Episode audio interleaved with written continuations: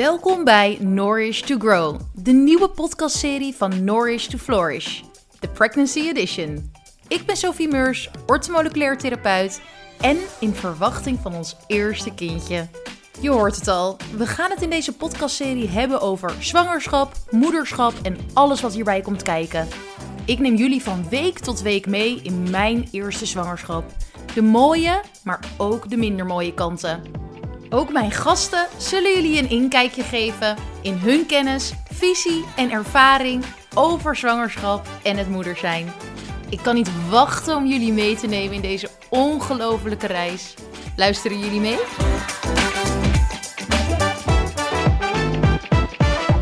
Yes, welkom weer bij een nieuwe aflevering van Nourish to Grow. De Pregnancy Edition van Nourish to Flourish. We zijn alweer bij week 14. En um, ik wil even verontschuldigen voordat we beginnen, want ik zit vandaag midden in Hartje Amsterdam bij Trust Spaces. Ja, het is een heerlijke omgeving. Ik werk hier zo graag. Uh, maar het kan wel zijn dat er dus een auto voorbij komt, een toeter, uh, ja, afgaat, dat er mensen aan het boren zijn, uh, dat je mensen hoort schreeuwen op straat. Dat hoort er allemaal bij in Amsterdam. Dus bij deze, dan weet je even in welke setting ik zit en wat je allemaal om mij heen kan horen. En dan hoop ik, kijk, dat was een toeter. Ik weet niet of jullie het hoorden. Ik hoorde hem heel erg hard. Maar goed. We gaan het er vandaag even mee doen. Um, week 14. Nou, we gaan kijken wat er in week 14 allemaal gebeurde. En dat waren best wel even wat leuke dingen. Dus ik neem jullie weer mee. Yes, week 14. Nou, wat heb ik in week 14 allemaal gedaan? Nou, we hadden met week 13 natuurlijk de 13 weken echo. Um, ik had al verteld hè, dat ik veel zin had in zoet en uh, wat ik voor mijn darmgezondheid heb gedaan. Mocht ik dat niet hebben gedaan, laat het dan ook even weten, want dan ga ik dat nog een keertje voor jullie opnemen.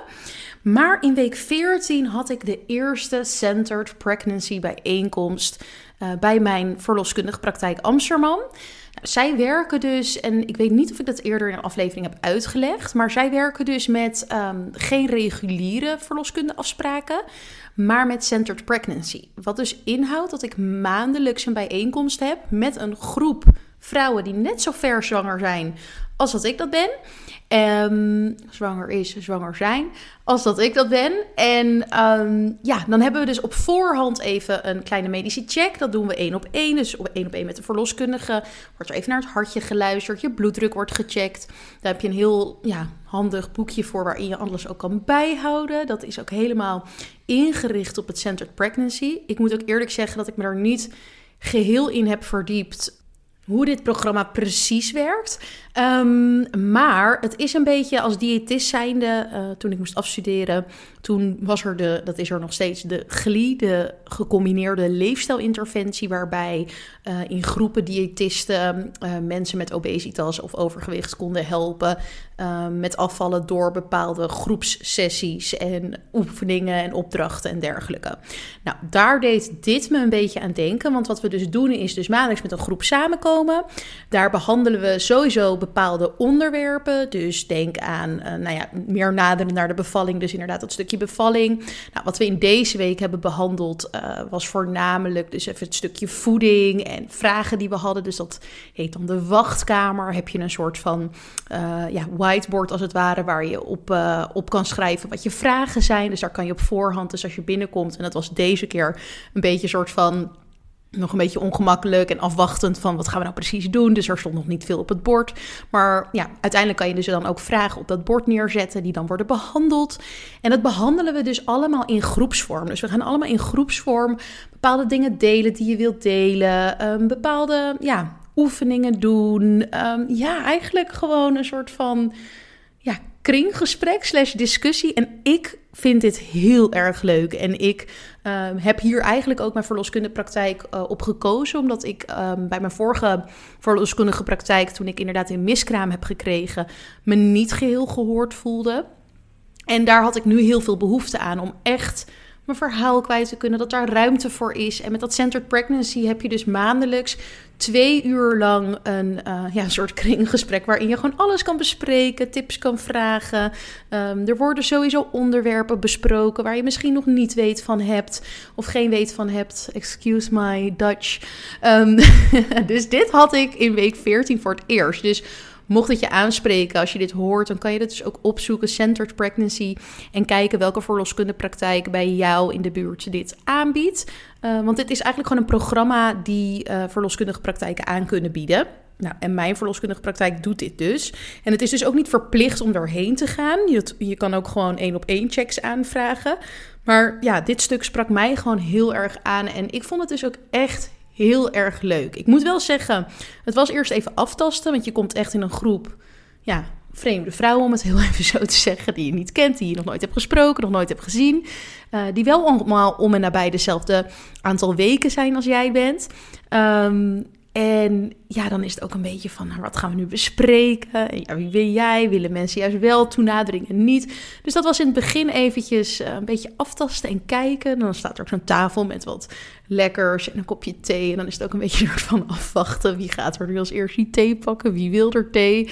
Nou, dus dat vind ik altijd wel heel grappig om te zien. En ook mijn eigen rol daarin. Want het was dus ook heel grappig, want we gingen het uh, dit keer en de eerste keer dus hebben ook over het stukje voeding. En ik heb daar natuurlijk ook best wel ja, mijn eigen kijk op. Um, daar heb ik het natuurlijk al in podcastafleveringen eerder al over gehad.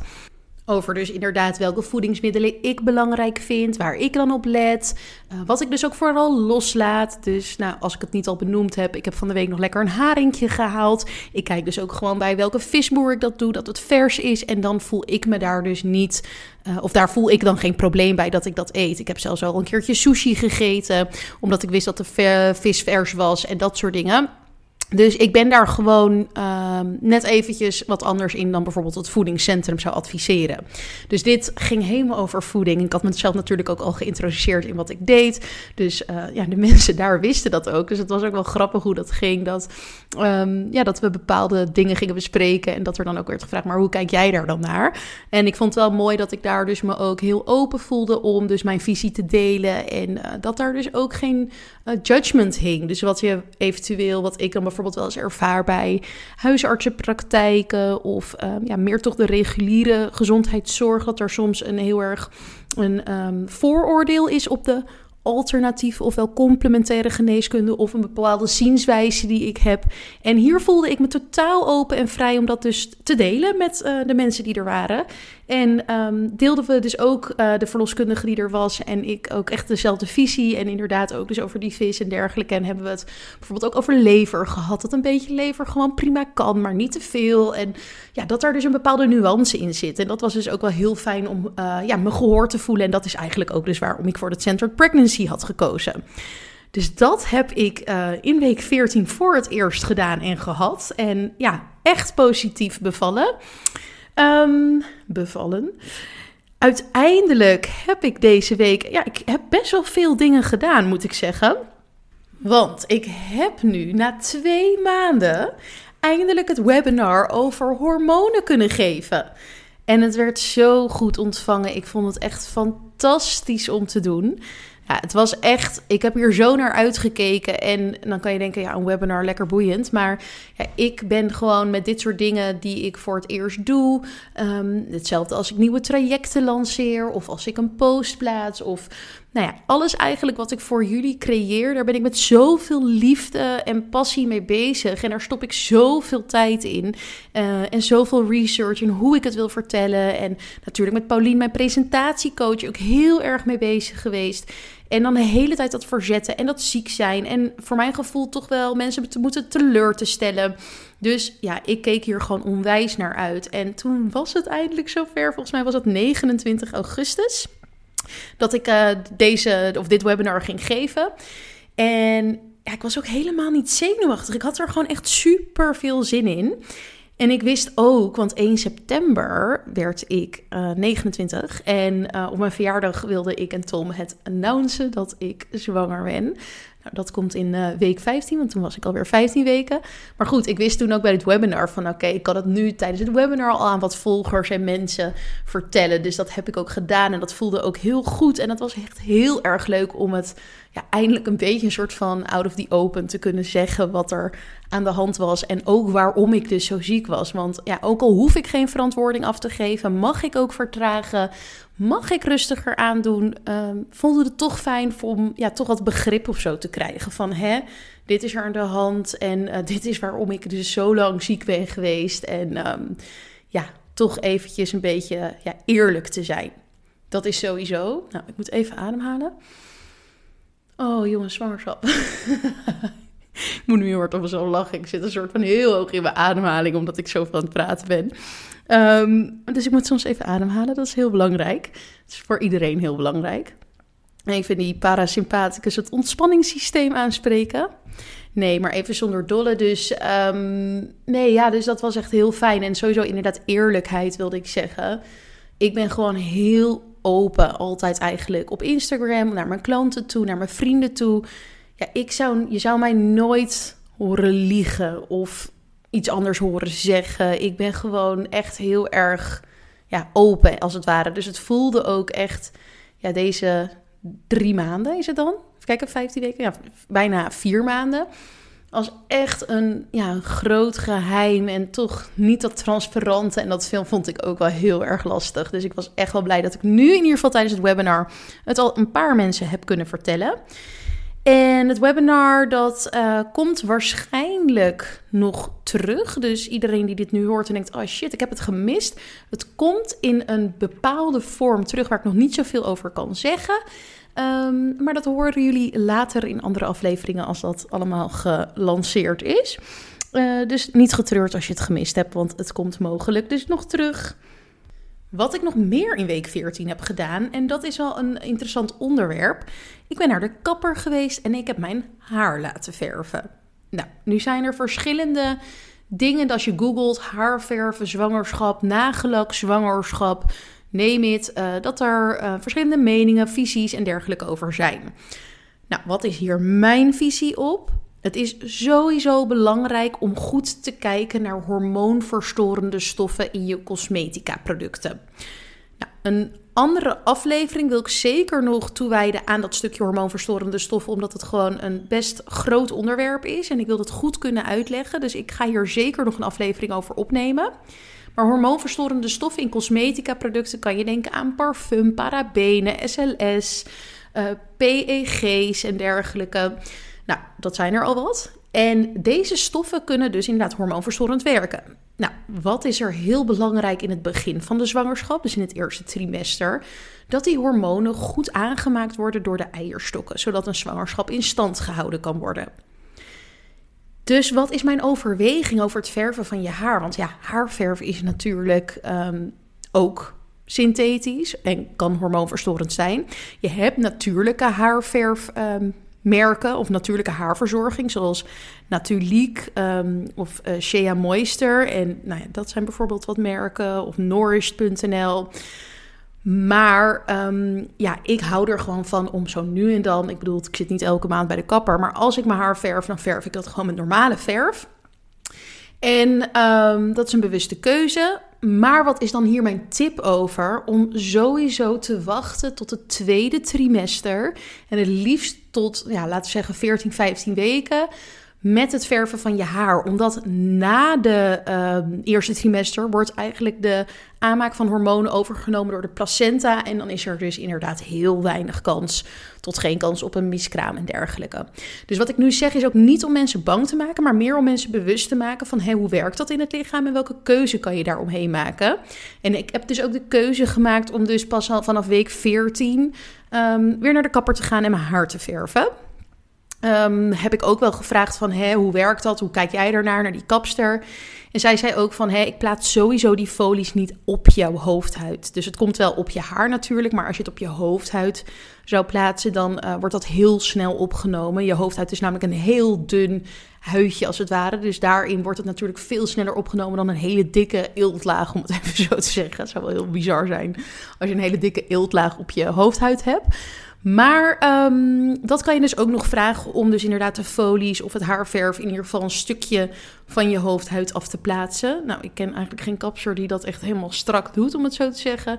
Maar eh, voor mij waren dat dus highlights die lekker niet te dicht bij mijn hoofdhuid zaten. En ik voelde me weer als herboren nu ik dit opneem, en ik zal even niet zeggen in welke week ik zit, want dat is niet leuk voor de podcast, maar um, kriebelt het weer om weer mijn haar te verven. Dus wie weet dat ik binnenkort weer eventjes ga. Maar uh, dat is dus even mijn kijk op haarverzorging, of in ieder geval haarverf. En qua haarverzorging let ik wel op dat ik natuurlijke shampoos gebruik, natuurlijke conditioners. Ik gebruik het van Young Living. Ik werk natuurlijk samen. Dat is ook misschien nog leuk om op te nemen. Een uh, aflevering over essentiële oliën. Nou, ik kom allemaal op ideeën terwijl ik dit opneem, jongens. Maar in ieder geval werk ik daar natuurlijk mee samen als brandpartner. En um, bestel ik dus elke maand bij Young Living. Dus ik bestel daar dus ook maandelijks mijn shampoos, mijn conditioner. Uh, ze hadden zelfs make-up die ik bijvoorbeeld dus ook gebruik. Body lotions. Nou, en ga zo maar door. Dus in die zin uh, gebruik ik dat dan als haarverzorging. Maar zoals ik al zei, ik wil nog een aflevering wijden aan hormoonverstorende stoffen. En daarin zal ik al mijn tips en tricks geven over welke huidverzorging, cosmetica, producten en wasmiddelen en schoonmaakmiddelen ik prettig vind om te gebruiken. Nou, en van het haarverven gaan we naar een iets ander onderwerp. En wel een onderwerp wat ik heel belangrijk vind om te belichten. En dat heeft namelijk te maken met het onderwerp somberheid. Ik heb namelijk opgeschreven in week 14. Ik voel erge somberheid. En waardoor kan die somberheid komen? Nou, daar ben ik natuurlijk eventjes ingedoken. En nou, voordat ik daar even over ga uitweiden waardoor dat kan komen, moet ik ook wel heel erg lachen op dit moment. Omdat ik uh, op dat moment mijn zusje, die woont in het buitenland, op heb gebeld. En ik maakte me gewoon zo druk en gek. Ik, um, ja, wat ik bedoel met die somberheid, wat ik dan heel erg ervaarde, was dat ik heel erg in mijn hoofd ging zitten. En dus heel moeilijk naar mijn gevoel kwam van wat heb ik nodig. Dus heel erg ging overdenken. Um, maar wat als dit en wat als dat? En ik denk dat dit voor iedereen herkenbaar klinkt. Maar uh, nu heb ik dit in het uh, gewone, tussen aanhalingstekens, leven, heb ik dit ook wel eens. Alleen nu was het gewoon dat ik niet meer dat uit kon zetten. Dus letterlijk alsof ik mijn hersenen er gewoon uit wilde rukken en dacht van. En nu stoppen we ermee. Dat stomme, stomme, stomme overdenken. En niet meer rationeel. Ja, toch wel, wel rationeel op zich dan het kunnen benaderen, maar dat niet voelen. Dus gewoon alsnog angstig voelen. En ja, dan wil ik nu niet echt te diep uitweiden over. Uh, ja, wat ik nou precies heb gedacht. En uh, ik vind ook dat dat bepaalde dingen zijn die privé zijn, maar meer gewoon dat jullie misschien kunnen herkennen. En ik vanaf deze week, hè, week 14. Nou ja, eigenlijk dat ik wil erkennen dat die somberheid niet zo gek is. Want heel even terug dus naar mijn zusje, die belde ik op en um, ik vertelde dus, oh Saar, ik, uh, Sarah heette, Saar, ik zit hier zo mee en ik vind het zo vervelend, want ik heb het gevoel dat mensen dan inderdaad me feliciteren met de zwangerschap, maar ik voel dit op het moment niet zo. Ik voel me gewoon niet mezelf, ik voel me verdrietig, ik voel me angstig, ik voel me somber. En dan ja, verwoordt er een soort van toch nou ja, dat is de verwachting die je naar jezelf hebt, vooral denk ik. Uh, dat je, yeah, ja, heel blij. En tuurlijk ben je blij. Of althans, tuurlijk ben ik blij. Maar ik voelde het gewoon echt even op dat moment niet. Dus ik zei, Saar, wat, waarom en wat zou ik moeten doen? En toen was het echt zo even stil. En het is heel grappig, want mijn zusje die is echt... Nou ja, ik zeg altijd dat we heel anders zijn, maar ik heb het idee dat we steeds meer op elkaar gaan lijken. Maar op dit moment toen reageert ze altijd toch wel echt eventjes anders dan dat ik zou reageren. Maar zo raak. Ze zei alleen maar... Ja, maar zo, er is toch een reden dat jij zeven jaar geleden bent gestopt met het gebruik van anticonceptie of hormonale anticonceptie. En toen moest ik dus heel erg lachen, omdat ik dacht, ja, dat is ook zo, omdat ik gewoon echt niet tegen hormonen kan. Omdat ik daar helemaal gek van word in mijn hoofd. En toen was het gewoon eigenlijk het kwartje gevallen dat ik dacht, ah ja, zie je nou wel, die hormonen. Nou, wat ik toen toch heb gedaan, is een afspraak gemaakt of een afspraak willen maken bij de uh, psycholoog van de verloskundepraktijk. Dus dat is ook weer heel vet of fijn geregeld. Dat dat gewoon uh, ja, via, dat, uh, via de verloskundige kan. Maar die afspraak is er nooit geweest. Want uiteindelijk, toen ik nou ja, daar die afspraak wilde gaan, um, toen voelde ik me alweer een stuk beter. En normaal gesproken zou ik dan denken: nou, ga dan toch Maar ehm, ja, ik, toen scheen het zonnetje weer en toen zag ik het allemaal weer clear. En toen dacht ik, ja, ik heb dit eigenlijk helemaal niet nodig. Nou, en dan wil ik even jullie wel meenemen naar wat uh, onderzoek. Want uit onderzoek is gebleken dat 10 tot 20 procent van de vrouwen te maken krijgt met prenatale depressie of somberheid. Dus prenatale depressie, dat is uh, wel echt nou ja, wat serieuzer. Dat je eigenlijk niet in dat tweede trimester um, ja, over bepaalde angstklachten, somberheidsklachten en dergelijke heen komt. Um, dat kan ook echt vastgesteld worden. En somberheid, ja, dat is eigenlijk gewoon in breed begrip angst, verdriet, niet happy zijn. Dus eigenlijk wat ik ervaren heb. En 10 tot 20 procent van de vrouwen ervaart dat tijdens de zwangerschap. En 1 op de 10 vrouwen krijgt te maken met een postpartum depressie. Dus dat zijn er best wel wat, vind ik dan, hè? En de zwangerschap, um, de eerste jaar naar de bevalling, uh, dat is een periode waarop de vrouw dus inderdaad het meest kwetsbaar is. En het totaal aantal vrouwen met mentale klachten na de bevalling is zelfs 1 op 5. Dus dit wil ik eigenlijk meer ook benoemen als een stukje erkenning. Luister je nu? Ben je ook zwanger? Ongeacht hoeveel weken dat is. Um, ja, dit hoort er ook een beetje bij in de zin van: het is oké dat je je zo voelt. Ondanks dat je misschien denkt, nou, dat vind ik misschien niet helemaal niet oké en helemaal niet prettig. Want prettig is natuurlijk anders. Maar ik wil hierbij alleen maar zeggen, ik heb dit ook zo ervaren. Dus ook al lijkt het misschien op social media en dergelijke happy jaye in de gloria, was dat in week 14 echt even een stukje anders voor mij. Nou, en daarbij wil ik deze week afsluiten, week 14. Ik ben heel benieuwd wat week 15 voor ons in petto heeft. En uh, nou, ik heb al een tipje van de sluier gegeven, de announcement. Dus die komt er volgende week lekker aan. Ik wens jullie een hele fijne dag en tot de volgende keer. Leuk dat je geluisterd hebt naar de Nourish to Grow, de Pregnancy Edition van Nourish to Flourish. Mocht je nou meer willen horen, abonneer je dan op deze podcast. Mocht je het echt super leuk vinden, dan zou je mij er enorm mee helpen om deze podcast 5 sterren te geven en te beoordelen. Als je contact met mij wil, iets wil vragen of iets wil delen, stuur mij dan gerust een berichtje via Instagram at Mijn naam is Sophie Meurs en ik wens jou een hele fijne week toe. Tot de volgende keer.